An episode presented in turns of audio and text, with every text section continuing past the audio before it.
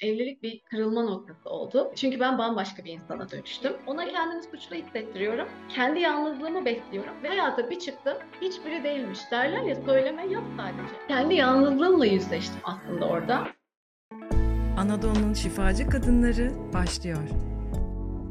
Merhabalar ben Didem. Anadolu Şifacı Kadınlarını konuk ettiğim programın bu haftaki konu Ayşegül Karahan Ertuğrul. 1986 yılında Antalya'da doğan Ayşegül, ODTÜ Eğitim Fakültesi'nde bilim eğitimi bölümünde okurken evlendi. Mezun olduktan sonra yüksek lisansa başladı ancak depresyona girdi. Girdiği arayışla bir süre terapiye gitti. Psikolojiye duyduğu merakla aile terapistliği eğitimi aldı. Enerjiyle çalışmaya başlayan Ayşegül saf sevgi enerjisiyle insanların enerji alanlarını dönüştürüyor. Hindistan'da yaşayan Ayşegül ile şifa yolculuğunu ve hikayesini konuşacağız. Şimdi hoş geldin. Hoş bulduk Didem. Sevgiler nasılsın? İyiyim sağ ol. Sen nasılsın? Sağ ol ben de iyiyim. Harikayım ve çok heyecanlıyım. Ne güzel, çok güzel. Bu heyecanı seviyorum ben de her seferinde aynı heyecanı. Çok güzel bir platform oluşturmuşsun. Ben de teşekkür ediyorum. Bu güzel vesilelik kanalını açtığın için diyelim. Kim bilir kimlere ulaşacak. Kesinlikle öyle. Bu alan hep onu söylüyorum. Ee, bizim ötemizde bir alan. Ee, biz hiçbir şey yapmıyoruz aslında. Alan kendi çalışıyor. Dilerim ki onun sesini, onun bize ilhamını biz de böyle temiz bir kanaldan e, aktarabilelim. Şükürler olsun. Ne mutlu orada durabilmeye işte. O kanal nasıl olsa akacak evet ama o Didem'le aktığı zaman işte çok kıymetli ve özel oluyor. Ayşe ile Fatma. Herkes kendi yerini iyi doldurduğu zaman çok tatlı ve güzel oluyor.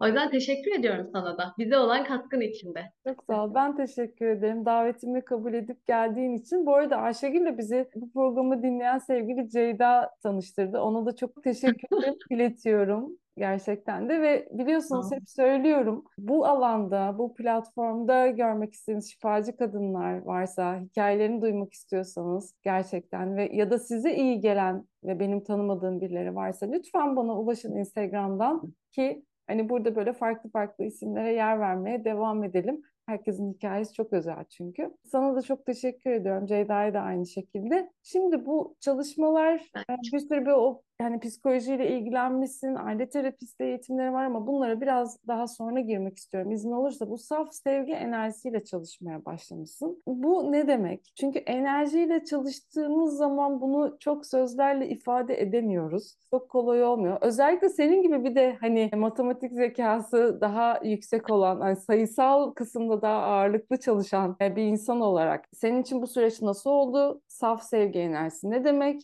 Nasıl çalışıyorsun ve bunun nasıl bir şifası var? Çok güzel sordun bir kere. Ben nasıl toparlarım bakalım güzel aksın.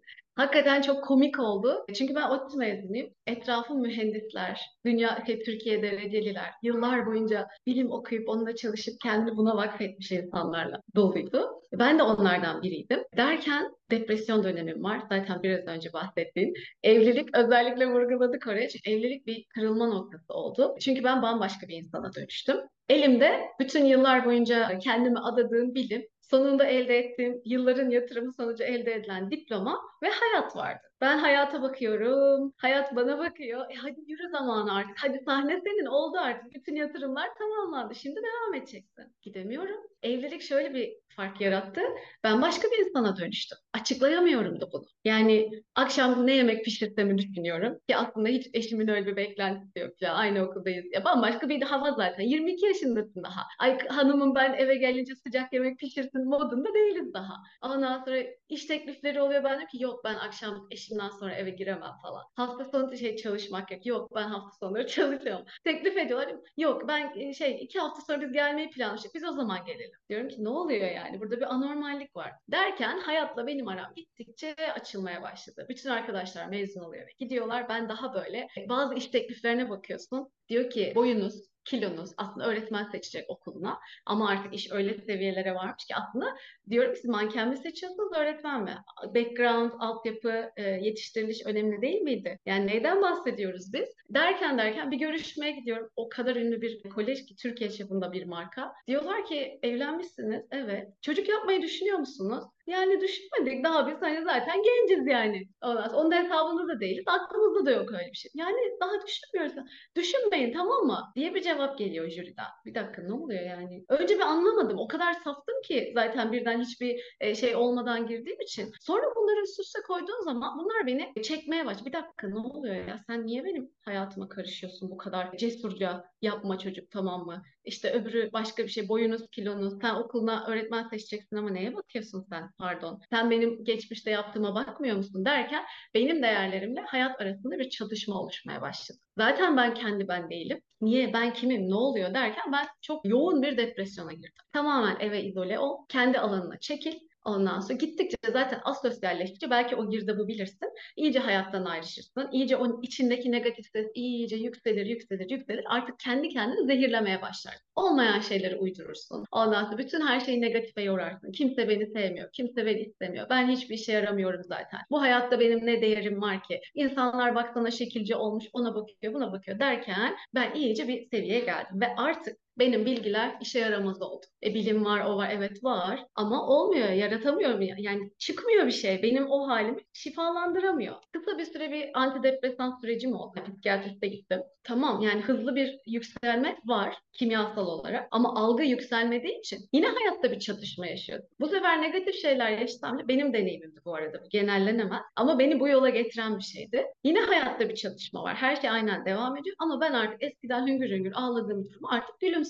Ya da olayın ciddiyetini anlayamıyorum. Gene bir çalışma oluştu. Ve dedim ki e, bunun çaresi bu değil. Peki derken bana bir şey lazım. Ama ne lazım? Aile terapisi eğitimi geliyor işte direksiyonu kırdım diyorum ben. Eğitim fakültesinde master yaparken bir dakika ya bu benim istediğim hayat değil. Beni bir bırakın. Ben kendi istediğim yapacağım. Zaten gemiler yanmış artık. Kaybedecek bir şey de yok. Ondan sonra yeni bir adım da atamamışım. Orada tutulup kalmışım. Ben istediğimi yapacağım bundan sonra. Ben psikolojiyle ilgilenmek istiyordum. Ne yapabilirim? ODTÜ'de aile terapisi açıldığını gördüm. Bir yandan e, psikologlarla terapiye yine ODTÜ'de. Bir yandan da terapistlik tarafını öğreniyorum. O da muhteşem. Üst üste koydu koydu. Hiç unutamadığım bir şey var. Öğretmenimize soruyorlar. Çok kıymetli hocamız. Hani hocam ne kadar zaman lazım? Hoca diyor ki bir 6 ay verin diyorum ben danışanlarıma. Şimdi ben orada bir kala kaldım. Hiç unutamıyorum. 6 ay boyunca karı koca gelecek. Her hafta gelecek. 2 hafta üst üste gelmezse bütün görüşmeleri kesiyorsun. Artı bir de sana devamlı olarak ödeme yapacaklar. Nasıl olacak bu iş? Bunun daha kestirmesi, daha hızlısı yok mu? Bir yandan kendim artık eğitim de tamamlanırken iki yıla yakındır terapi sürecine devam ediyorum. Yüz küsur seans oldu. Çok güzeldi, çok keyifliydi. Hem piştim, hem öğrendim, hem okudum. Harika. Ama iki yıl.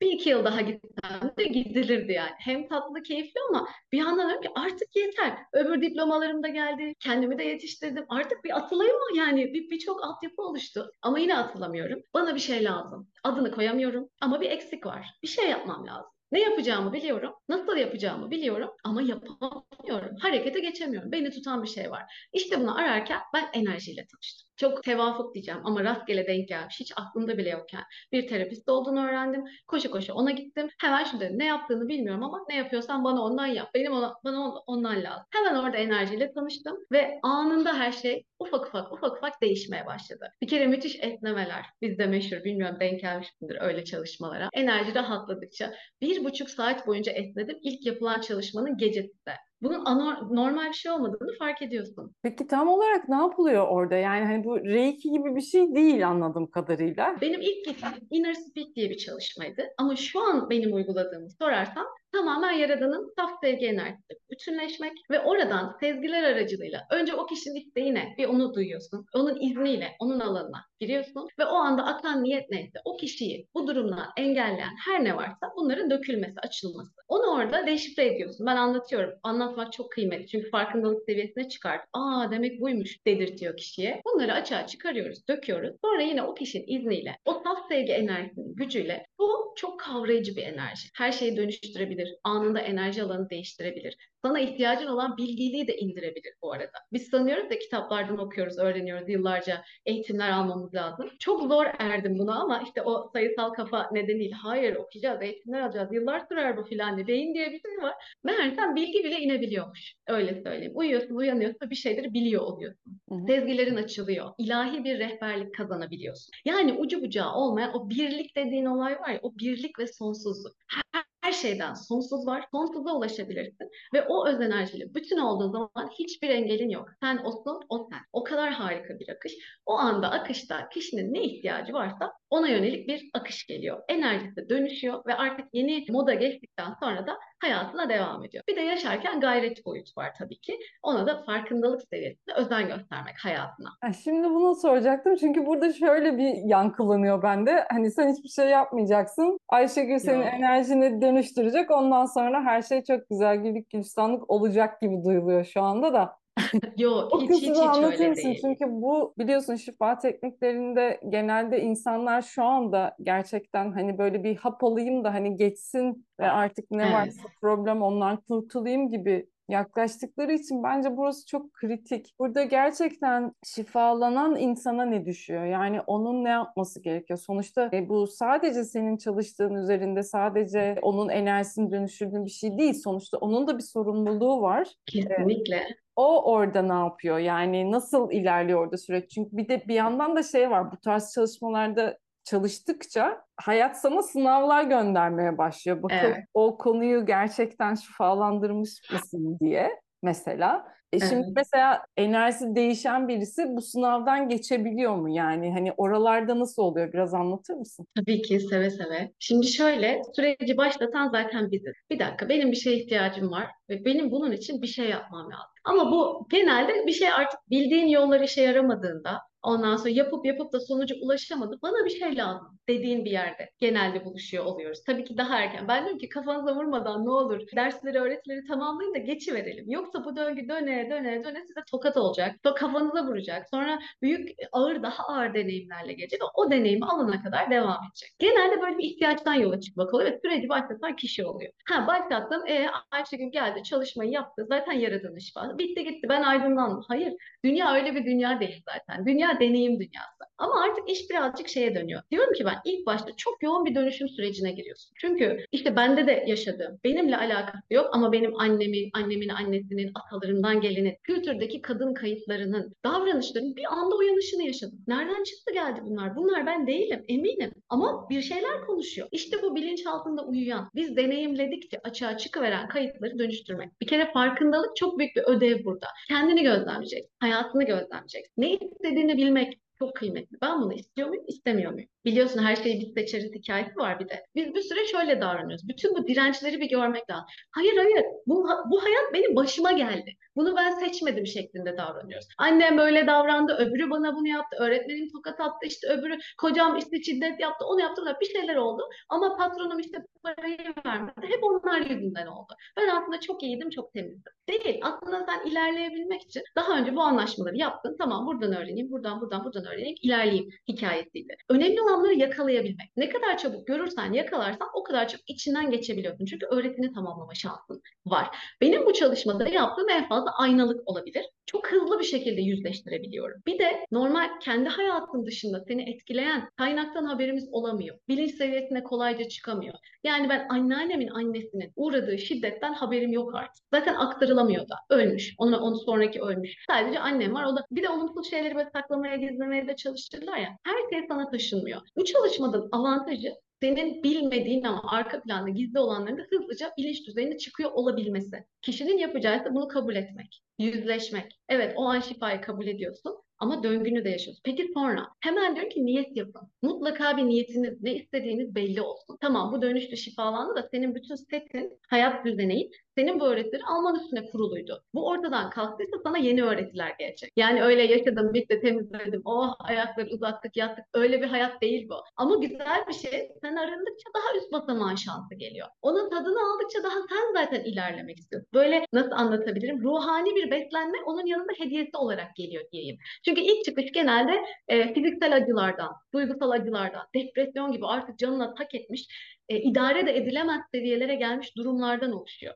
Öbür türlü bir şekilde sallan yuvarlan götürüyor insan. Arayışa düşmüyor. Sen o döngüyü orada kapattın. Bu çok güzel bir şey. Çünkü içinde adını koyamadığın, yıllar boyu taşıdığın acı artık bitti. O sevgiye dönüştü. O öğretilere dönüştü ve artık içindeki sevgi de büyümeye başladı. Aura genişlemesi denir mesela.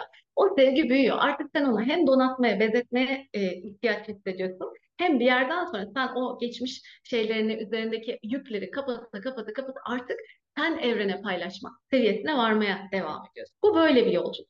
Bu süreçte öğretilerini yakalamak. O yüzden çok anlatırım. Aa bu varmış, bu varmış. Sen de sonrakileri yakala ve gör. Çünkü hep bir bilinçli yaşamamız, olanı gözlemlememiz, içindeki gizli mesajları yakalamamız gerekiyor. Ayık yaşamak lazım yani. Bunu yapamazsan zaten döngü sürekli devam edecek. Ayık yaşadın, evet test oluyorsun. Orada da diyorum ki ben, zorunu da gördüğüm için Allah'ım öğretilerimizi kolaylıkla, rahatlıkla, keyifle, bizim de içimize sinen şekilde, bizi de memnun eden şekilde. Evet bunun bir kaçışı yok ama sen öyle güzel ver ki beni de mutlu etsin, sistemi de mutlu etsin, yaşam amacımı, yaratılışımı en güzel, en iyi şekilde açığa çıkarabileyim. Bunun keyfini, mutluluğunu da yaşayayım. Hem gelişeyim, hem katkı olayım ama zevkle yaşayayım. Hayatın güzelliklerini de yaşayayım diye sen onun çerçevesini çiz. Zaten o öğretiler zorla gelecekse ille de o gelecek. Ondan kaçışın yok. Ama geri kalan hani o kaderimizi kendimiz belirliyoruz kısmı var ya artık orayı bilinçli bir şekilde ben pozitif çerçeveyi çizdim diyorum. Gelecek deneyimden, testten kaçma şansımız yok ama sen onun içini güzel, iyi, hafif, keyifli de doldurabilirsin. Bizde maalesef çok acı kaydı var. Çok yaygın bir şekilde. Çok alışığız. Mağduriyete, kurbana, gözyaşına, her şey hatta biraz gözyaşı döktürmek üstüne kurulu bakarsan. Filminden magazine ve korku üzerine mesela. O kadar yaygın ki bunun fazla olduğunun, yük olduğunun farkında bile değiliz. İşte terapi sürecinde, arınma sürecinde bunları bir görüyorsun. Sonra diyorsun hayır tamam bunları bıraktım artık, vazgeçtim bunlardan. Ben artık kolayı, güzeli, keyifliyi istiyorum. Öğreti de böyle geldi. Hayat da tatlanmaya başlıyor. Ben diyorum ki ben yıllardır sırtımda, ayaklarımda, bacaklarımda taş taşıyormuşum meğer. Ama anlamıyormuşum. Ne zaman ki hafifliyorsun, oh be dünya varmış. Allah kimse eziyet olsun diye, gı gıcıklık olsun diye yaratmamış yani. Kimseye gıcıklık etmiyor. Al, orada sonsuz bir şey var. Sen de al, alabilirsin. Sadece formülü güzel işletmek önemli burada. Şimdi sen üniversite son sınıfta evleniyorsun ve onunla birlikte bir depresyon başlıyor tabii ki de. Hani Evet. burada mesela eşinle ilişkin nasıldı? Çünkü bir anda bambaşka bir insana dönüşüyorsun. Onun tarafında ne oldu? Evet. Ve oradaki ilişki seni nasıl, nelerle yüzleştirdi? E, neleri kendinde fark ettin? Ya da fark ettiğin şeyler hoşuna gitti mi mesela? Oralarla nasıl Hmm. çıktın? Çok iyi bir soru. Kendi yalnızlığımla yüzleştim aslında orada. Ve şimdi düşünüyorum, yanında ağlayabilmek için onun gelmesini bekliyordum akşamları eve. Düşünsene, arkadaşlarım dağıldı demiştim ya, ben de yeni ortam kuruyorum. Bu arada yani üniversitede yürürken her yoldan geçen neredeyse selam verirdi. Eşim şey derdi o zaman, ya ne kadar çok tanıdığın var bu okulda, o kadar sosyal, o kadar hareketli bir hayattan. Hiç bütün bağ kurmaları kestikten sonra, kendi içime kapandıktan sonra sadece eşim ve ben hayatı yaşıyorum. Depresyondayım ve e, kendimi daha da yalnız hissedebilmek için onu kullanıyormuşum. Şimdiki bu bu kadar tecrübeden sonraki bakış açımla baktığım zaman. Hiç bunu düşünmemiştim, sayende bunu fark ettim. Resmen ağlamak için onu bekliyordum. Geliyordu, sen benim neler yaşadığımı biliyor musun falan diye. Başlıyordum ağlamaya bir sebepten. İşte tabak mı kaldırılacak? Ben bu evin hizmetçisi miyim? Ben bunu istemiyorum falan ağlayabilirim. Ev mi temizler? Niye bunu hep ben yapmak zorundayım diye ağlayabilirim. Ben bunlar için mi okumuştum diye ağlayabilirim. Yani her şeyi artık sen o moda girdikten sonra sadece şey arıyorsun kendine. Malzeme arıyorsun. Başka hiçbir şey değil. Ona da kendini suçlu hissettiriyordum. Şimdiki döngüleri okuyarak söylüyorum. O zaman hiç bunun farkında değilim ve şu an ilk defa düşünüyorum sayende. Öyle bir üçgen kurmuşum ki ona kendini suçlu hissettiriyorum. Kendi yalnızlığımı besliyorum ve resmen artık kaçmak istiyordu evden. Yardım etmek istiyor. Her yardımı da reddediyorum. Terapiye git diyor ama benim param yok. Terapi almaya da hakkım yok diyor mesela. Ne alakası var? Çok saçma bir e, şey bu. Argüman. Ama böyle. Hayır gitmiyorum. Gel beraber tatile gidelim şey. Benim param yok tatile falan gidemem. Ne zaman param olur o zaman giderim falan. Halbuki para da kazanabilirim. Yani bir sürü teklif geliyor ben reddediyorum. Öyle bir durum ki her şeyi ben mahvediyorum. Sonra da işte demin anlattım sen suçlusun, o suçlu, onun yüzünden, bunun yüzünden, benim yüzümden diye suçlu arıyorum kendime. Ne zaman ki artık o e, bıçak gerçekten de kemiğe dayandı. Ben bıçakla bakıştım. Dedim ki adını da koyamıyorum o zaman yaşadığımın ama bir dakika. Şunu sordum. Kaç saniye sürer acaba? Dedim. Söyledim ki kendine gel Ayşegül. Ve koş terapi bir şey bir şey yapman lazım. Artık bu işin sonu geldi. Ondan sonra artık bir yüzleşme. Sonra terapide en güzel gördüğünüz, aa meğer hepsi benmişim. Meğer o değilmiş. Meğer o öbürü değilmiş. Meğer ben yapıyormuşum. Teklifleri ben reddediyormuşum. Kendimi ben yalnızlaştırıyorum. Hani sosyal olmayı biliyorum. Gidip yeni çevreler de kurabilirim. Müthiş mutlu da olabilirim. Her şey harika akabilirdi. Ama ben bütün dünyayı kesip atıp eve kapanıp sonra da eşime eziyet. Sen suçlusun senin yüzünden. Bu neymiş biliyor musun? Benim anne babamın döngüsüymüş. Ah, onu soracaktım. Ya. Ama genelde Ya. zaten öyle olmuyor mu Ayşegül? Yani bir bakıyorsun Evet. ne bileyim babana benzer adamla evlenmişsin. İşte annene benzer kadınla evlenmişsin. Bir bakıyorsun mesela ben şu anda onu daha rahat tabii görebiliyorum. Yani anneme kızdığım ne varsa hepsini birebir yapıyorum bu arada. Yani inanılmaz yani kadını değiştirmeye çalışıyorum. Sonra diyorum ki ya Didem sen de aynısını yapıyorsun yani. Hani Evet. mesela dedin ya bu bana ait değil. diye. Bazı cümleler ediyorum. Ya hiç benden çıkacak cümleler değil ama hani öğrenilmiş bir şekilde ezberlenmiş. Yani yargıyı bile aslında yani bu böyle olmalı falan. Yani sana değil aslında. Yani o işte etraftan Aynen öyle. öğrendiğin, kopyaladığın bir şey. Dolayısıyla orada gerçekten şey oluyor. E peki o zaman ben kimim yani? Ben hayatın en büyük sorusu zaten. Ben kimim? Bütün hayat bununla geçiyor zaten. sen peki şu anda ben kimim sorusunun cevabını biliyor musun? Evet, yani artık çok mutluyum. Yani buradan sonrası nelere gebe onun adını koyamıyorum. Ama biliyorum ki artık hayallerime cevap gelecek. Zaten sonraki adım artık ilham olmaya başladı. Yani bir çık yola diyorum. Önceden her şey mükemmel olacak bilmem ne derken derken zaten gene yola çıkamıyordum. Gene bahaneler, gene vesaireler kendimi geri çekiyordum. Şimdi şunu öğrendim. Sen bir ilk adımını at arkadaş. Gerisi zaten sen teslimiyetteysen, ne istediğini artık biliyorsan, niyetin, hayalin, bir şeyin varsa ve bekliyorsan oradan işbirliği halindeysen o saf sevgi enerjisiyle, yaradanla, öz enerjiyle, kaynakla nasıl söylersen söyle o sana mutlaka hem rehberlik ediyor hem yoldaşlık ediyor. Dedim ki dünya varmış ya. Ben bütün dünya bir yerde hatta farkında değilim, inançlıyım zannederdim ama Allah'ı bile reddediyormuşum. Çünkü öyle bir hal ki sana kimse yardım edemez. Sen bütün dünyada tek başınasın. Hiç kimsen yok. Dolaylı olarak ben benim hikayem üzerinden anlatıyorum ama bir şekilde umutsuzluğa, çaresizliğe düşmüş herkes herhangi bir sebepten gerçekten de o öz enerjiyle bağlantısını, ilahi rehberliği, desteği yok saymış oluyor. Öyle bir şey yok. Öyle bir sonsuzluk ve bizim onunla öyle bir bağımız var ki her zaman seni besler. Sen bırakmadığın sürece. Biz orada bırakıyormuşuz. Biz orada arkamızı dönüyormuşuz. Ben şöyle ör- örnek veriyorum. Yani aslında bir araban var ve sana bir şoför tahsis edilmiş. Ama sen inatla hani yok ben kullanacağım deyip böyle halbuki Evet, yolu da biliyor, kestirmeyi de biliyor, yani en rahat yolu da biliyor. Dolayısıyla orada işte hani neden o onu yapıyoruz? Neden işleri kendimiz adına zorlaştırıyoruz? Tamam, bu da bir tekamülün parçası ama yani çok fazla acı var. Halbuki acı yok yani. O acıyı biz neden yaratıyoruz Evet. sence? Heh, o her yerde öyle değil. Şimdi ben Hindistan'dayım ya. Çok uluslararası arkadaşlarım oluyor. Avrupalı, Koreli, işte Çin çok az oluyor ama işte Hollandalı vesaire, Amerikalı, Hintli Amerikalı mesela. Onların da çok bambaşka oluyor hikaye. Hem Hindistanlı ama Amerikan vatandaşı. Burası çift vatandaşlık vermiyor. Buradaki vatandaşlığını bırakıp oranın vatandaşı oluyorlar. Ve bir yerden sonra kendilerini sen nerelisin diyorsun. Aslında Hintli olduğu çok belli. Şey diyor ben Teksas'tanım diyor. Ben New York'tanım falan diyor. Kendini tanımlama ve artık kendini neyle kalıpladığın meselesi. Bir yerden sonra biz bu acıyı, mesela bu toprakların acısını hissediyorsun. Bu toprakların kayıplarını görüyorsun. Aradaki farklılığı.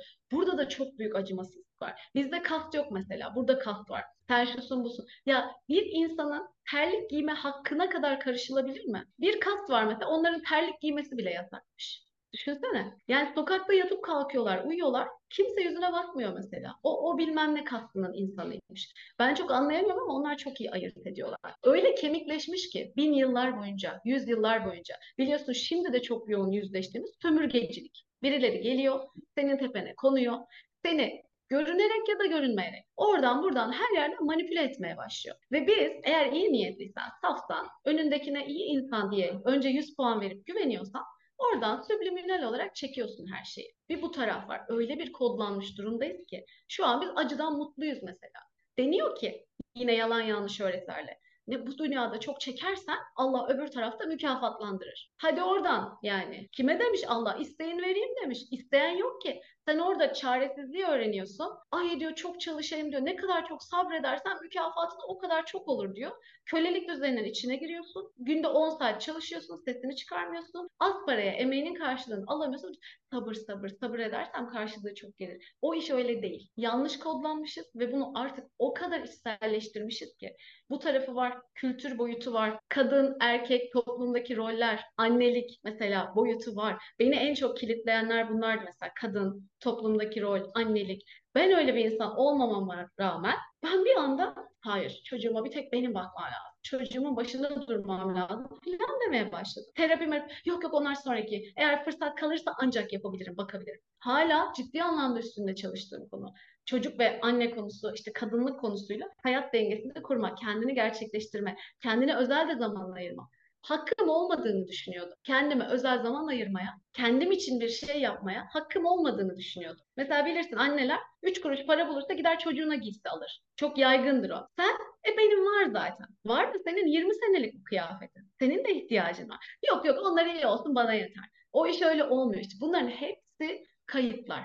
Bize evire çevire manipüle ede ede din başlığı altında siyaset başlığı altında guru başlığı altında kültür başlığı altında bir şekilde artık kayıtlarımız öyle kemikleşmiş ki şimdi ne yaptan köleliği hazır kabul ediyoruz. Bak dünyanın çoluk çocuk kadın herkes öldürüyorlar herkes oturup seyrediyor. Nasıl bir beyin uyuşmuşluğu. Bakabiliyor musun? Yani ve bir kısmı özellikle buna destek veriyor falan. Yani acımasızlığa vesaire. Dünyanın her yerinde.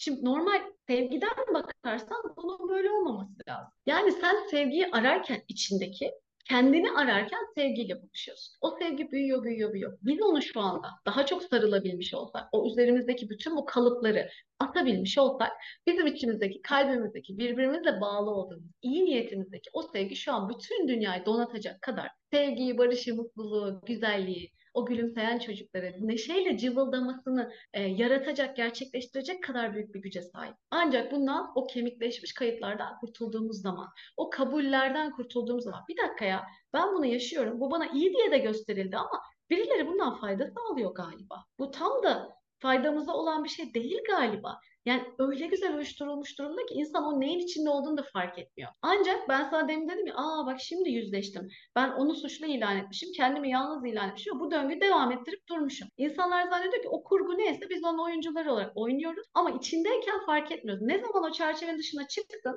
bu da nasıl oluyor? İşte enerji çalışması. Ya kafan bir yerlere vuruyor bir arayışa düşüyorsun. Belki'nin demeye başlıyorsun. Bir dakika ya bu benim istediğim hayat değil ama bir cendereye girdim ben ve bu beni memnun etmiyor demeye başlıyorsun. Bir arayış arayışla artık anlamlandırmaya başlıyorsun hayatını. Oradan sonra uyanıyorsun. Bir dakika bir şeyler ters gidiyor. Bizde öğretilenlerin içinde bir iş var.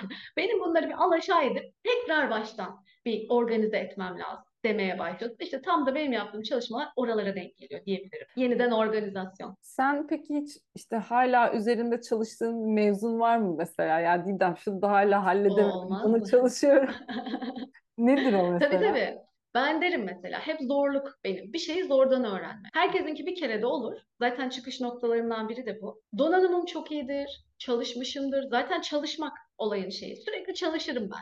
Mesela bir tanesi sınıfın en zekisidir. Girer 90 alır çıkar gider. Hiç ders çalıştığını bile görmez. Ama ben ilkokul 4'ten beri bak en bariz örneği. Ne hafta sonumu bilirim. Okul biter de dershaneye koşarım. 10 yaşında çocuk ne canın var? Bu kadarına ne gerek var? Anladın? Ama ömrüm böyle. Her şey böyle. Yığılı kitaplar vardır. Bir şey öğreneceğim, bir şey yapacağım. Bir de mükemmeliyetçilik var. Bir de işte az çok okuduğunu anlama var. Kapı kapıyı açıyor, soru soruyu açıyor. Kendimi paralarım, paralarım, paralarım. Yanındaki şöyledir. Bomboştur mesela. O kadar da şey yapmayayım ama görmüşsündür sen de yani. Dün eğitim alır, bugün uzman olur mesela. Bir dakika ne oluyor ya? Bu nasıl bir özgüven, bu nasıl bir rahatlık, bu nasıl bir şey? Bunun doğru olduğundan bahsetmiyorum ama eğer seni engelleyen bir şeyin yoksa böyle de ortaya çıkabiliyor. Bundan bahsediyorum. Anlatabiliyor muyum? Bir özgüven, bir cesaret, bir bir şey. Benimki hep bir dakika Ayşegül sakin ol. Daha bilinecekler var, daha çalışılacaklar var. Hiç bitmedi. Zorluk benim hala da e, çalıştığım konulardan biridir. Bir şey bir kere de olacağından üç kere de falan olabilir mesela. Ve bunu da nasıl anlarsın biliyor musun? İlla böyle büyük büyük hayatta şeyler olmasına gerek yok. Ben onu derim. En kolaydan başla. Diyorum ki yeni konum işte bu. Çünkü hala bir şeyi zordan elde etme. Tam bir döngü işte bu bak. Sonra başa sarıyorum. Bir dakika sakin ol. Tekrar. Bu döngü kırılmadığı sürece ben kafeye de otursam bana gelen şey yanık geliyor. Ondan sonra işte ben bir yere gittiğim zaman o gün bir şeyler ters gidiyor. Her gün aa hiç böyle olmazdı diyorlar. Ben biliyorum niye öyle olduğunu diyorum yani. Benim enerjimden oluyor. Çünkü hala kırılması gereken, çözülmesi gereken şeyler var.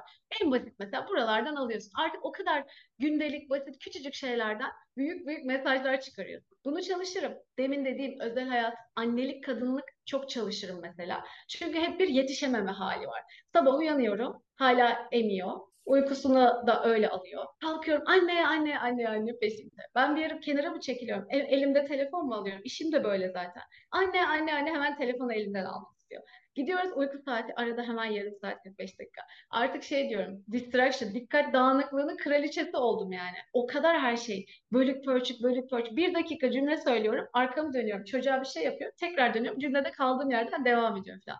O kadar işlemiş durumda ki. Diyorum ki yani daha kolay olabilir herhalde. Bir şeyi bir blok halinde yapıp öbürüne de geçebilirim. Olabilir yani bu. Bunları çalışıyorum mesela.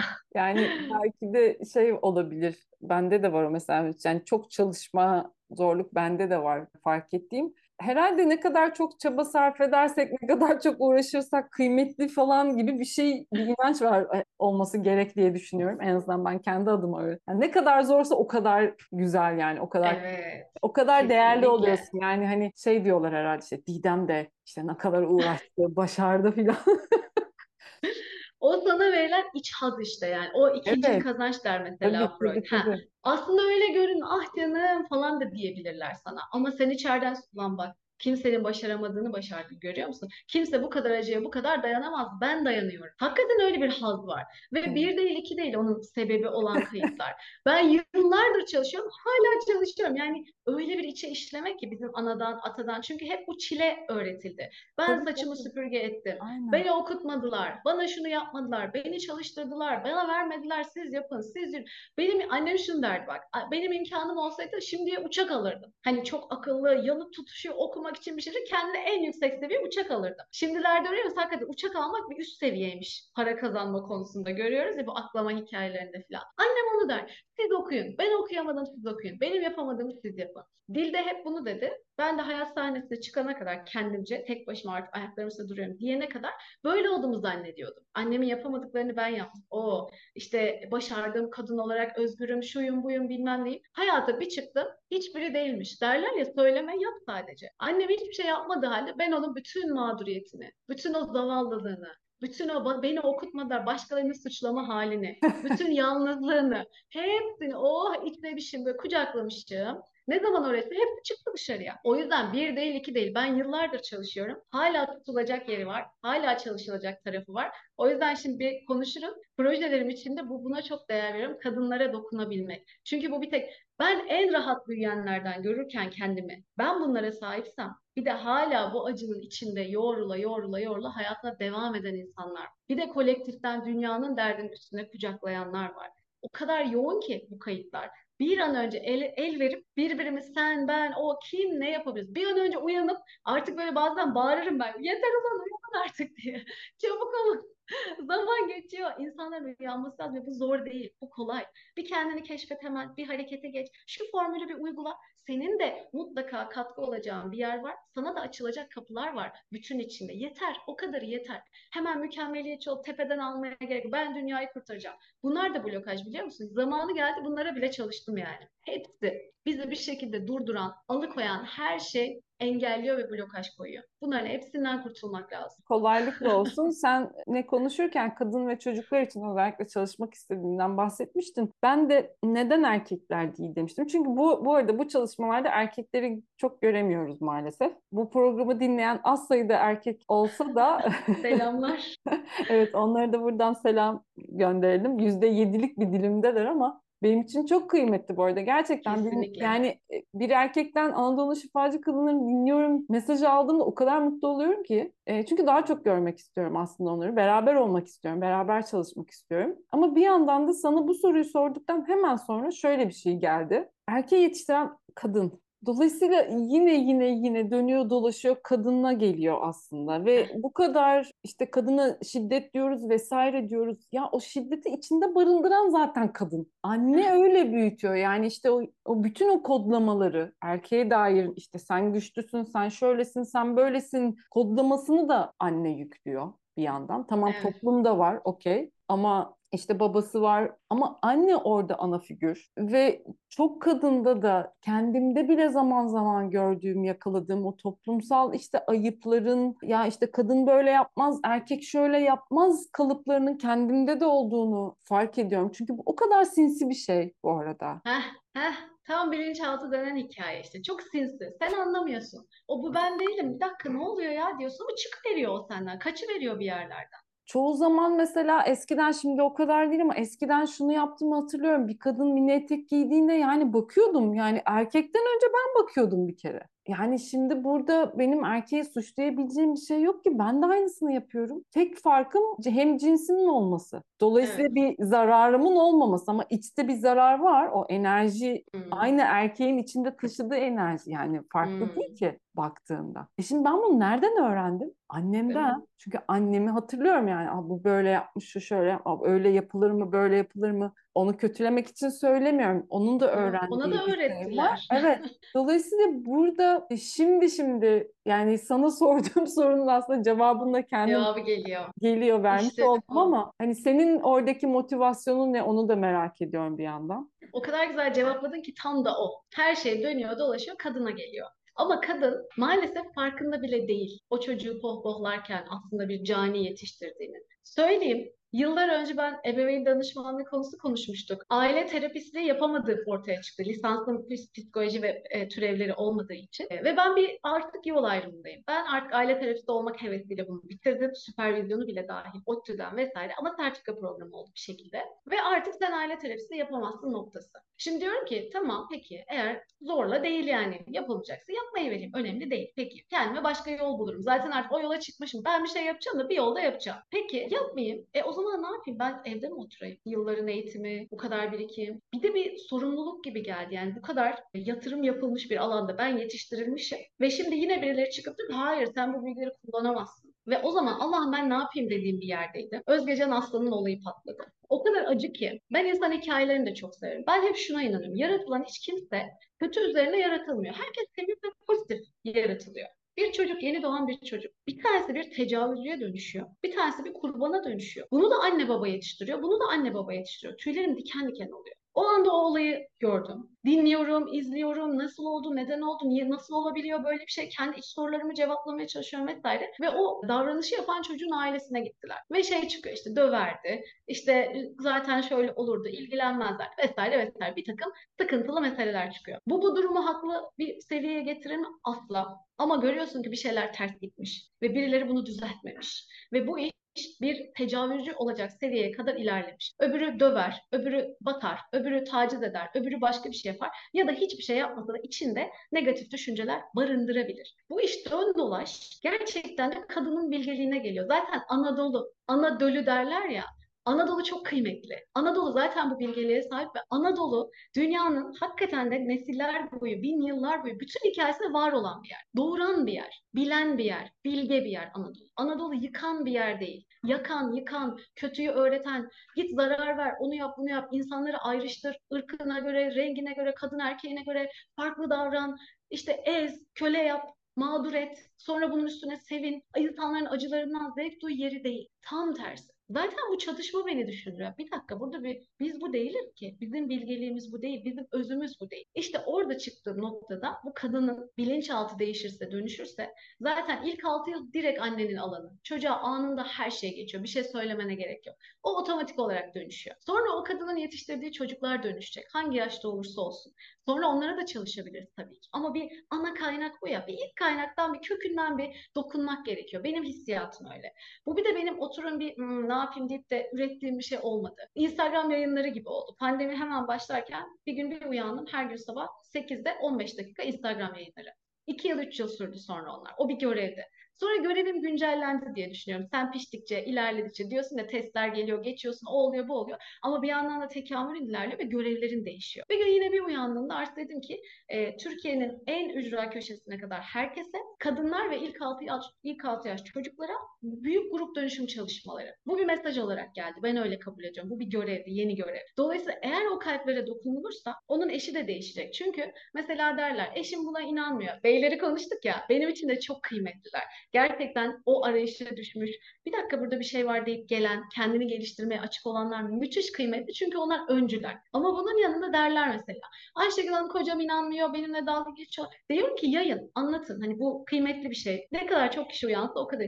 E bize alay ediyorlar, utanıyorlar, utanıyoruz, şöyle diyorlar, böyle diyorlar, bana inanmıyorlar Bir de derler ki mesela işte eşim iflas etti, finansal durumumuz çok sıkıntılı, şunu istiyoruz olmuyor. Ben çalışmıyorum, eşim çalışıyor. Kime çalışma yapmamız lazım? Ve inanmıyor bu çalışmalara. Ben dedim ki otur kendine çalış. Benimki öyle açıldı zaten. Sen kendine çalıştığında zaten o enerji kademe kademe kademe her gün başını koyduğun adam o yanındaki ona da geçiyor. Onun bilinçaltını da değiştiriyor.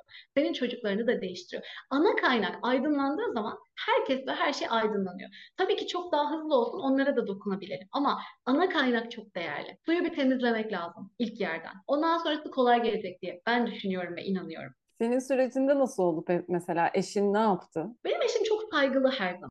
Her sürecimde çok saygı duydu sağ olsun. Ve bana şey diyor, bana yaptığı en büyük iyilik bana özgür hareket etme alanı tanıması. O kalıpların hepsi benim zihnimdeydi. Benim eşim hiçbir zaman ne engel, ne kural, ne hiçbir şey. Ne istiyorsan onu yap şeklinde. Ben o arada işte master'a başladım bıraktım. Aile terapisi aldım. Ebeveyn danışmanlığı çıktı. Ha, Özge Can'dan sonra dedim ki ben bu işi yapacağım. Türkiye'de buna ihtiyaç var ve benim ilerlemem lazım. Peki aile terapisti olmuyormuş tamam olmaz. O zaman ne yaparım ne ederim derken derken ebeveyn danışmanlığı diye bir şey çıktı. O zaman Türkiye'de hiç böyle bir şey yoktu. Sadece böyle bir e, ben bunu nasıl akıtabilirim şeklinde. Ya çocuk gelişimciler ya da e, aile terapistleri vardı. Bu öyle güzel dokundu ki bütün aileyi, bütün sistemi ele alıyor ve bir yerde sorun başladığı zaman herkese ulaşıyor. Sonra çok sevindi, yayıldı vesaire. O, o dönemim oldu. Sonra enerjiyle tanıştım. Enerji hayatıma dahil oldu. Bir bakıyor ben ebeveyn danışmanıyım bugün. Bir bakıyorsun ben enerji terapileri de yapıyorum. Artık bunun içine bunu da kattım. Kendisi elektrik elektronik mühendisi bu arada. Hani bir dakika diyor ama yani olmaz öyle şey de demiyor. Neyse ki. Hep böyle sanki Reiki öğreniyorum bir gün bütün bu süreçlerin. Sana diyorum şifa yapacağım falan diyorum. Eve geliyorum. Ne yapacağım diye yat diyorum koyacağım ellerini. Bu şifa temiz şifa falan böyle. Ne hissettin? Karnım diyor bir karıncalandı falan. Hani hep dozunda dengesindeydi. Hiçbir zaman koşup o gel hemen benden başla terapileri bana yap da olmadı. Hani ilk böyle atlayanlardan da olmadı. Ama hiçbir zaman reddeden de olmadı. Bana yaptığı en büyük iyilik gerçekten bana özgürlük alanını, keşif alanını tanımış olması oldu. Sonra ben kendimi bir keşfetmeye başladım. İşte ta Hindistan'a kadar uzanan süreç ve benim o kadar zaman boyunca hep kendime yaptığım çalışmalar neredeyse hep ikidir üçtür belki onun üzerinde yaptığımız çalışma öyle söyleyeyim. Hem onu alanını genişletti, açtı, ferahlattı. Hem çocukların alanını genişletti, açtı, ferahlattı. Yani o kadar katkı oldu ki bizzat kendim yaşadığım için bu kadar rahat anlatabiliyorum ve söyleyebiliyorum. E, bu çalışmaları online'da yapıyor musun peki? Yapıyorum. Şöyle bir şey var. Şimdi kendine yapmakla ilgili de direnç vardır. Yaptığın, öğrendiğin şifayı başkasına yapmakla ilgili de direnç vardır. Ondan sonra ve sevdiklerine yapmak da apayrı bir dirençtir. Bazıları kendi ailesinden kimseye yapmaz mesela. Bazıları şifayı kendine yapamaz sürekli başkasına yapar. Bazıları da sürekli kendine yapar başkasına yapamaz. Bütün bu blokajlar karşıma çıktı. İyi dert çalışan olduğum için o zaman o zorluk hikayesi işime çok yaradı. Çok güzel buldum. En ince ayrıntılarına kadar nerede ne blokaj olabilir çok güzel araştırdım, okudum, buldum ve çalıştım. Yapabiliyorsun ama aile de bir sınav alanı ya. Bazen şey olur, oyalanırsın.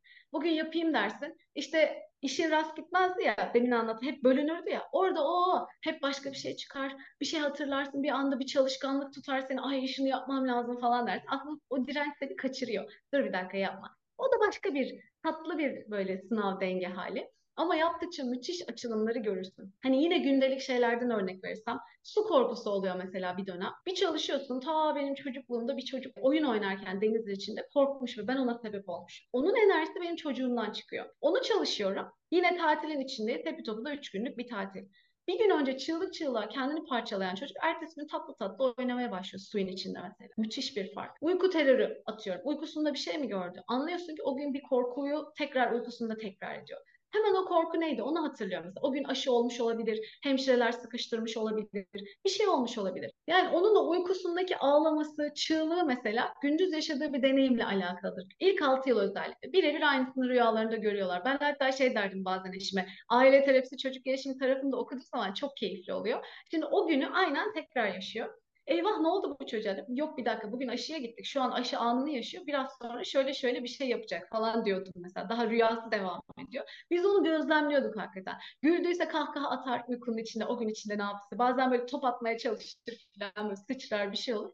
Yakalayabilirsen çok güzel e, o anları tutuyorsun. Velhasıl o gün aşı mı oldu çocuk? Belki hemşireler sıkıştırıyor. O anda bir şeyler gelişiyor. Elinden alıveriyorlar çocuğu çığlık çığlığa ağlıyor. Bir şey oluyor bir şey yapamıyor oluyorsun. O çocuğun içinde artık o acı duygular kaydedildi. Hemen onu yakaladığın an dönüştürebiliyorsun ve müthiş bir rahatlığa ulaşıyor. Çocuk hızlı bir şekilde o travmasını şifalandırıyor.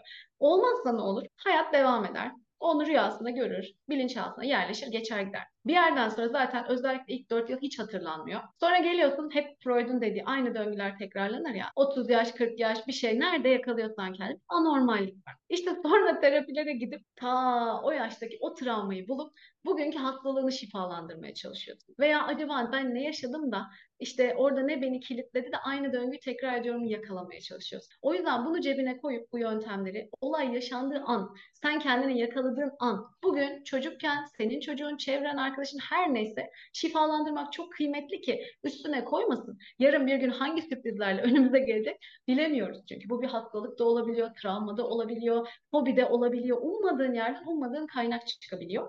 E, dolayısıyla yakaladığınız yerde şifalandırın. Önümüzdeki dönemde hayallerin, projelerin neler neler yapmak istiyorsun? Kadınlar ve çocuklar kısmını konuştuk ama hani daha böyle işte Türkiye'de bir şeyler yapmak istiyor musun ya da online'da daha çok kişiye ulaşmak istediğin projelerin var mı? Evet evet çok çok güzel fikirler var. Yani nereden başlayayım ben sana? Farklı gruplara da ulaşabilmek. O benim eşimin arkadaşları mesela hani bir beyaz yaka dediğimiz çalışan kesim dediğimiz ben canlı yayın genelde onlar çalışıyor oluyorlar. Ama onlar da duyabilse ne güzel olur diyorum. Çünkü bahsettiğim bu çocukların dönüşümüne belki daha çok ihtiyaç var. Belki bir kendilerinde hayat ve özel hayat, çalışma hayatı ve özel hayat kurmaya daha çok ihtiyaçları var. Dolayısıyla bir kurumsal hayatla çalışmalar yapmayı çok çok isterim. Onların içlerine bir, bir iki saatlik molalar verip belki farklı bir pencere açıp onları belki bir aa gerçekten öyle mi dedirtip bir umut pompalayıp aşılayıp evet hayatımız değişebilir. İkisi dengede de gidebilir. Çalışma hayatı ve özel hayat e, kısmını yaşamalarını istiyorum. Onlarla çalışmalar yapmak istiyorum. Atölyelerim var. Mutluluk atölyesi açıyoruz bazen, duygusal dayanıklılık atölyesi açıyoruz. O akış da yine güncellenerek devam ediyor. O anın ihtiyacı neyse. Bunlardan daha bol bol yapmak isterim. Gezmek istiyorum, ülke ülke, şehir şehir gezip birebir kucaklaşmak istiyorum. Böyle dolu dolu salonlar, nasıl anlatayım? Ama buradaki amaç o kalabalıklar dinletip bu değil. Uyanması, herkesin uyanması, hızlı bir şekilde bir yükseliş, hızlı bir şekilde bir uyanış. O beni doyurtmuyor bir türlü. Daha çok insan duysun, daha çok insana ulaşsın, anlasın. Herkes nereden yakalarsa çünkü o da bir süreç.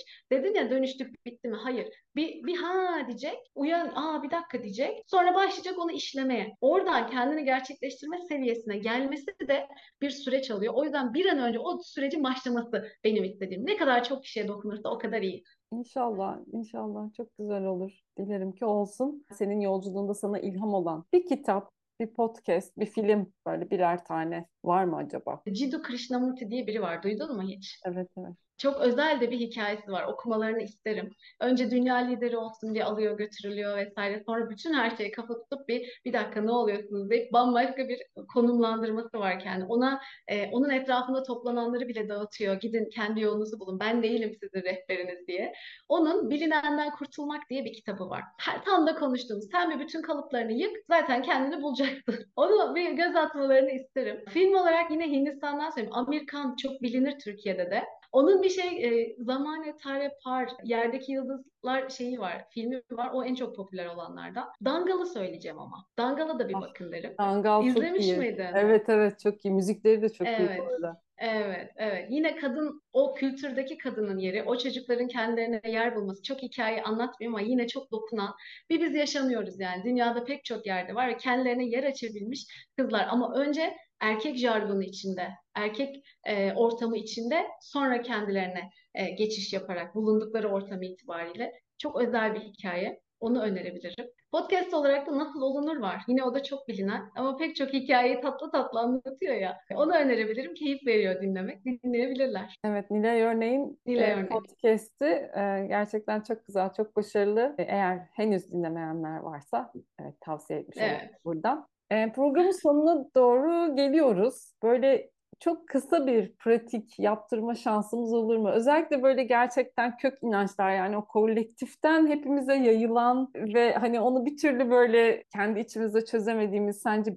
inanç varsa eğer o inanç konusunda Aha. kısa bir pratikle çalışmak mümkün olur mu? Olur olur tabii. İstersen ben şimdi hemen bir niyete gireyim. Oradan Aa, akışta ne gelirse hemen birkaç blokaj sayalım. Hızlı bir şekilde dönüştürelim hepsini. tamam. Bu arada açık bırakacağım ben zaman e, konusunda da. Ne zaman izleyip ne zaman aktifleştirmek isterlerse o zaman o dönüşümü yaşayacaklar. Böylece hem kişiden bağımsız, o zaten o her şey bilindiği için ve hazır olduğu için kimlerin buraya geleceği de belli. E, o alana bakıp oradan çalışacağım. Mekanlarımızın enerjileri temizlensin. Tamamen saf sevgi enerjisi, Yaradan'ın şifası, ve %100 pozitif bir çalışma. Sadece izin verip kabul ederlerse aktifleşecek. O yüzden gönülleri de rahat olsun. Dinleyebilirler ama izin vermeyebilirler. Bu kaydı izleyecek olan, buna faydalanacak olan, bu çalışmayı aktifleştirip e, şifalanmaya niyeti olan herkese ulaşacak şekilde nelerin dönüşmesi gerekiyorsa onlar açığa çıksın. Birbirinden korku geldi ilk. Birbirinden korkmak, birbirini yabancılamak, ayrıştırmak, sen şuncusun ben buncuyum, sonradan geliyor bunlar. Ama ilk etapta birbirinden kaçma ve korkma hali. Birlik, beraberlik duygusu, o kardeşlik duygusu değil de birbirinden uzaklaşma hali var. Korkuyla bir kaçış atımız var birbirimizden. Böyle bir tedirgin tedirgin temaslarımız var. O da paylaşımı kısıtlıyor, engelliyor. Kendimizi otomatik Ayşe Söyle. biliyor musun? Son zamanlarda benim kafaya taktığım şey bu. Yani ne, nasıl daha samimi, gerçekten kucaklayıcı ilişkiler kurabiliriz? gönülden Evet, gönülden ne kadar birbirimize şefkatli bir yerden şeffaf olabiliriz. Yani şeffaflık, dürüstlük, samimiyet çok önemli bence ilişkinin derinleşmesi için, kökleşmesi için. tabii Ama ki. görüyorum ki çok yüzeysel ve bu beni çok üzüyor. Ve ben kendi hayatımda gerçekten çok ihtiyacım var derin bağlar kurmaya. Yargılanmadan, Hı hı. kabul edilmeye, sevilmeye çok ihtiyacım var. Bir hatam olduğunda bu hatayı bana söyleyebilecek dostlara ve bunu dönüştürmeme yardımcı olacak dostlara çok ihtiyacım var. Yaşasın. Hemen niyet et. İste bu niyetine de dahil edelim. O da çalışsın. Evet, yani orada şimdi senin bu açtığın bu konu gerçekten benim içimde çok uzun zamandır yankılanan ve ihtiyaç duyduğum bir şeydi. Bunu da dile getirmek istedim. Dilerim ki hepimiz o gerçekten derin bağlar kurduğumuz ilişkiler, dostluklar, arkadaşlıklar yaşarız. Değil mi? Ambalajımızdan öte, vitrinimizden öte kalbimizi, gönlümüzü gördüğümüz ve ondan hiçbir de vazgeçmediğimiz. Aradan ne kadar zaman geçerse geçsin ya da ilk kez görsen bile o enerji bağı zaten hemen birbirini tanıyor. O bağ kuruluyor. O bağdan, gönülden gönüle hareket etmeye niyet edelim. Onun önündeki engeller kalkıyor. Bu gene bizde var olan bir şey. Sadece üstündeki tozu süpürüyoruz aslında. Blokaj dediğimiz hikaye o. Çok şanslıyız ki işte o toprak, o yetişmişlik, o bilgilik bizde var. Dünyanın kolektifinde zaten var. Diğerlerini temizleyip onu açığa çıkaracağız. Bu arada çok yaygındır. Tam aklımdan geçeni okudunuz diye dakika bir gol bir o kadar güzel ifade ettin ki. İşte bu böyle etkili ve böyle güzel bir çalışma. O kadar mutluyum ki ben bir şey, bir dahiliyetim yok bunun içinde. Zaten olması gereken, akması gereken o kadar güzel çıkıyor ve akıyor ki. O yüzden gönül rahatlığıyla kendilerini bırakabilirler çalışmaya. Tabii kendileri isterlerse. Tam da onu diyecektim. Ee, bu tedirginlik dolayısıyla kendimizi korumaya alıp kapatıyoruz. Dolayısıyla kalbimizi açmıyoruz. Tam senin dediğin hikaye. Gerçek kendimizi göstermediğimiz için de bu sefer insanlar birbirini tanıyamıyor. Sığ kalıyor ilişkiler, derinleşemiyor ve asıl aradığın o sevgi bağını daha oluşturamadan birbirinden ayrılmış oluyorsun. Şu zamanda çok avantajlıyız, çok bağımız var ama çok çabuk da dağılıyor o bağlar. Derinleşemeyen çok bağımız var. Bazen de öyle bir oluyor ki vardır senin de. Ya ben seni 40 yıldır tanıyor gibiyim, sanki dostum gibisin. Bir anda özelime girdin. Bir anda kalbimde yer ettin, aklıma geliyorsun. Seninle paylaşmak istiyorum. Bazıları da öyledir. İşte onun o yaydığı enerjisinden. Şimdi bu güzel halde bizimle uyumlu olan, bizim enerjimizle örtüşen, birbirimize vesile olduğumuz, vesile olacağımız, saf sevgiyi paylaştığımız, paylaşacağımız her kim ve ne varsa bu ortamlarla bağlarımız kurulsun ve bunların oluşmasına, derinleşmesine engel olan bütün negatif enerji, blokaj, inanç, korku, kaygı, zorunluluklar, sözler, yeminler, adak, yasak, ahlar, genetikten geçmişten gelen aktarımlar, her ne varsa tümü tamamıyla kabul eden herkesin alanından dönüştürülsün ve yerine zorlanmadan, ayrışmadan, yalnızlaşmadan, bunalım, depresyon, sıkıntı yaşamadan, kendini acıdan arama, yokluktan, duygusal yoksunluk dolayısıyla kendini arama, olumsuzluk dolayısıyla kendini arama yolculuğuna çıkmadan tatlılıkla bulmanın, tatlılıkla keşfetmenin, güzellikle, keyifle, mutlulukla, huzurla keşfetmenin ve bizimle uyumlu olan alanlarla insanlarla, ortamlarla kolaycacık buluşuvermenin, o ortamlarda görevlenmenin, o ortamlarda belirlenmenin diye geliyor. Hem fiziksel olarak hem enerjik olarak hem birbirini çağırma ve sonrasında ilerletme anlamında. Öyle bir kelime ki hepsini aldı içine. E, bu şekilde olmasının enerjileri geliyor. Yani gayret rehberlikle bütünleşmiş bir şekilde bizi ait olduğumuz, gerçek potansiyelimizle ait olduğumuz yerlere, insanlara, ortamlara ulaştırıveriyor. Öğretilerimiz tamamlanıyor ve alakalı olan herkesle kendi eşlerimiz hariç tutalım ruhsal boşamalarımız yapılıyor ve eşlerimize dahil ruh parçacıklarımız ayrılıp kendimizde merkezleniyoruz. Bu sığ bağlarda her yerde bir parça bırakıyoruz. O kadar çok oluyor ki bu sefer öyle bir dağılmış hissediyoruz ki kendimizi. Alan açılıyor, negatif enerjiye kapı açılmış oluyor, enerjimiz düşüyor, bir türlü toparlanamıyoruz. Yorgunluk, uykusuzluk vesaire eklenebiliyor. Pek çok şeye farkında olmadan e, kapı açabiliyor bu enerjinin düşmesi hali. Şimdi hepsi toparlansın, auramız tam ve bütün hale gelsin ve güzel yaşam enerjisi bütün alanımızı doldursun, donatsın. Yaşama sevinci, yaşama coşkusu, yaşama enerjisi, şevk, istek, motivasyon, harekete geçebilme gücü, nereden başlayacağını bilme duygusu, içsel ilham, rehberlik, ilahi rehberlik, ilahi sistemdeki yerinin farkında ve bilincinde olma ve hızlı harekete geçebilme. Kolayca yerine yerleşme. Enerjileri de geliyor. Ben tam ve bütünüm, hazırım, yeterliyim. Kendimi kabul ediyorum, olanı kabul ediyorum. Kendimi gerçekleştirmeye açığım. Kendime izin veriyorum. Kendime ilerlemek için izin veriyorum. Kendime yol veriyorum. Kendime yol açıyorum. Kendimi engellemeyi bırakıyorum. Bunun arkasında kendimi engelliyorum, gitmemeliyim, yapmamalıyım, durdurmalıyım kendimi, e, korumak için durdurmalıyım, risk almamalıyım, ilerlememeliyim gibi pek çok kayıt var arka planında. Bütün bunlar da dönüşüyor.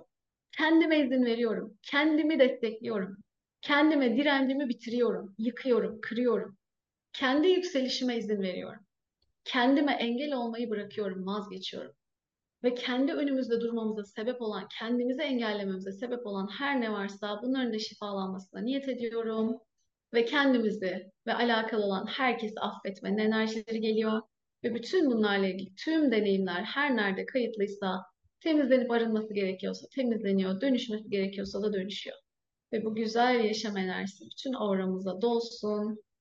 Çakralarımız da güzel bir şekilde şifalansın. Birbiriyle uyumlu ve dengeli. Önce dengelensin sonra birbiriyle uyumlu hale gel. Tekrar mekanlarımızın enerjileri temizleniyor. Nasılsın? Nasıl hissediyorsun? Şifa olsun. Allah tüylerim diken diken oldu. Dilerim dinleyen, izleyen herkese şifa olsun. Böyle yayılsın. İnşallah. Bütüne. İnşallah. İnşallah. Sağ ol. Auraların büyümeye ihtiyacı vardı. Ay ne demek? Ben teşekkür ederim bu alanı açtığın için. Tamam. Auralar biraz sıkışmış durumdaydı. Ee, daha çok yaşam enerjisi çekin. En son onu söyleyebilirim. Yaşama beslenin. Bir ışık şelalesi, bir su şelalesi gibi yaradandan, kaynaktan bütün alanını doldurduğunu düşünün. Bu kadar. Şeffaf bir balon ortasında sen varsın ve hepsini dolduruyor. Işık dolduruyor. Su dolduruyor. Nasıl istiyorsun. Ama o enerjiyle beslendiğinizi imgeleyin bol bol derim. Alanlar daralmış çünkü. Motivasyon lazım. Çok sağ ol. Teşekkür ediyorum. Yolda olanlara ne söylemek istersin? Of güzel bir soru. Sorsunlar. Bir kere ben kimimden bir başlasınlar. Ben kimim? Bir de bana göster. Bu çok kıymetli. Kendi kendini bulmak için uğraşma, çırpınma. Sen rehberlik iste zaten sana tık tık tık cevaplar geliyor. O günkü ilk sorudan başla. Bu şöyle değil, isyan sorusu değil. Bu benim niye başıma geliyor? Bıktım artık böyle bir şey değil. Burada görmem gereken ne? Buradaki bana mesajın ne? Buradaki öğretim ne? Ben kimim? Benden görmemi istediğin hal ne? Mesela sorsunlar. Geldikçe geldikçe zaten tatlı bir yolculuk büyüyecek, gidecek. Çok sağ ol. Eklemek istediğin başka bir şey var mı Ayşegül? Sana çok teşekkür etmek istiyorum. Gerçekten çok keyifli bir akış oldu. İnşallah çok güzel yerlere dokunacağını düşünüyorum. Bakalım. Çok sağ ol. Çok ben teşekkür ederim. İyi ki geldin, iyi ki vaktini ayırdın. Bu arada Türkiye'ye gelmeden hemen biraz önce yapmış olduk kaydı. Evet. Türkiye seyahatinde çok güzel geçsin dilerim. Çok teşekkürler. Sağ Ve olun. sizlere de çok teşekkürler. Her zamanki gibi buradaydınız, bizimleydiniz. Bu çembere beraber oturuyoruz biliyorsunuz ve bu çok güzel, çok güzel bir his. Bu Onlara da kalp benden. Evet, evet ve bu hissi dilerim siz de yaşarsınız. Buradaki mutluluğumu çok tarif edemiyorum ama bu şu anda içinde bulunduğum o hali dilerim siz de yaşarsınız. Harika bir dua oldu. Amin. Çok sağ ol. 26 Aralık'ta yılın son aşk buluşmasını yapacağız. Aşk buluşmasını biliyorsunuzdur diye tahmin ediyorum ama yine kısaca bir bilgi vermek istiyorum. Aşk buluşmaları bu programa konuk olmuş 3 kadının her ay 3 kadının konuk olup kendi çalışmalarını yaptırdığı bir buluşma oluyor ve bağış usulü gerçekleşiyor. Eğer siz de bu alanda olmak isterseniz, siz de bu alanda konuk olmuş kadınlarla birlikte onların çalışmalarına katılmak isterseniz eğer Instagram'da profilimdeki kayıt formunu doldurabilirsiniz. Aşk buluşmasının konukları Büşra Mavi olacak, Sahra Yüksel olacak ve Aylin Çevik olacak. Hepsiyle de çok dolu dolu enerji çalışmaları yapacağız. Kundalini çalışacağız ve dişil enerji döngüsüne nefes çalışması olacak. Dolayısıyla ilginizi çekerse bekliyorum.